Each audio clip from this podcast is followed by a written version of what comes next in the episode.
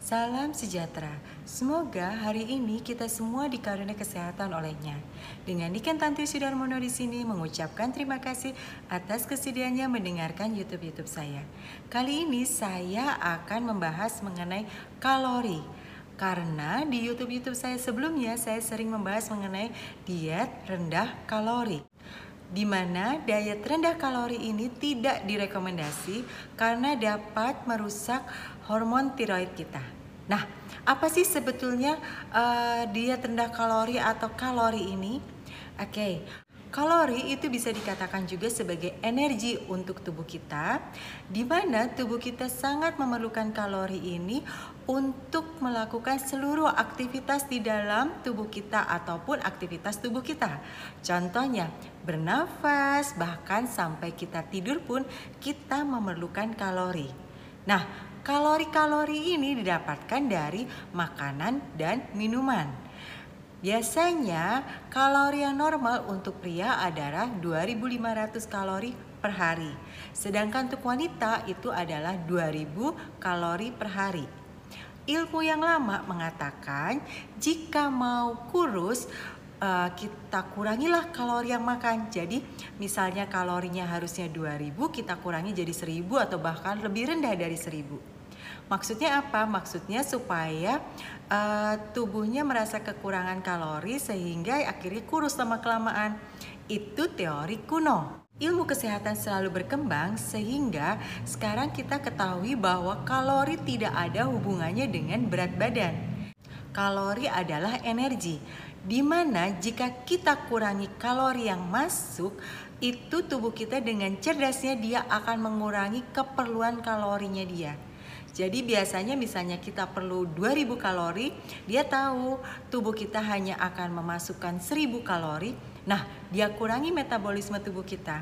Akibatnya, jika metabolisme dipencet atau dikurangi, salah satunya terkenalah penyakit tiroid. Nah, jadi hati-hati jangan konsumsi rendah kalori. Nah, ini saya kasih lihat gambar mengenai kalori. Setiap produk setiap asupan dengan berat yang sama tapi memiliki jumlah kalori yang berbeda-beda seperti di gambar ini. Ini semua beratnya sama tapi kalorinya berbeda-beda. Ya, jadi ini bisa dilihat ini untuk daging per 100 gram. Ya, beda-beda semua kalorinya.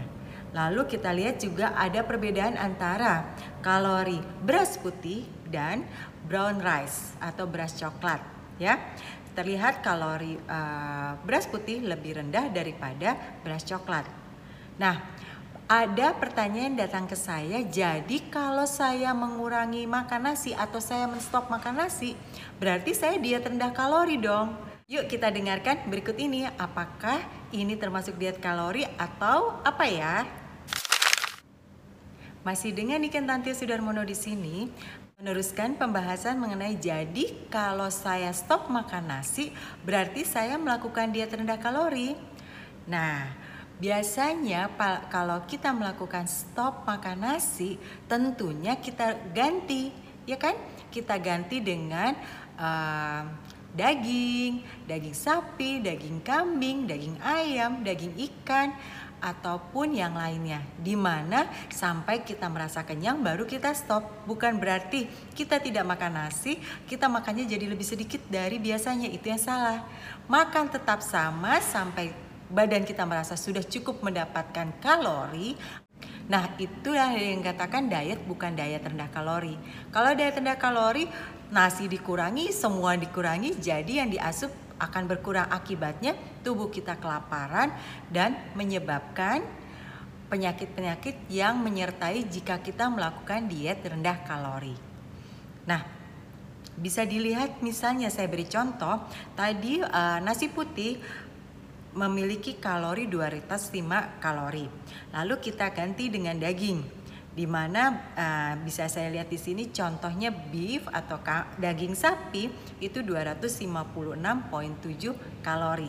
Nah, jangan takut karena kalori tidak membuat gendut, tidak membuat kurus. Ingat, yang membuat gendut adalah sel lemak. Sel lemak didapatkan dari apa? Sel lemak didapatkan dari glukosa yang berlebih di dalam tubuh kita. Glukosa didapatkan dari karbohidrat dan juga protein yang berlebih. Sedangkan kalau kayak daging sapi, daging lain-lainnya itu termasuk ke dalam lemak dan protein. Lemak sendiri di dalam tubuh kita dibentuk menjadi asam lemak. Asam lemak tidak membentuk sel lemak Sel lemak dibentuk oleh glukosa berlebih. Jadi jangan salah, jangan lagi menilai apa pun dari kalori karena kalori tidak membuat gemuk. Terima kasih sudah berkenan mendengarkan. Assalamualaikum warahmatullahi wabarakatuh.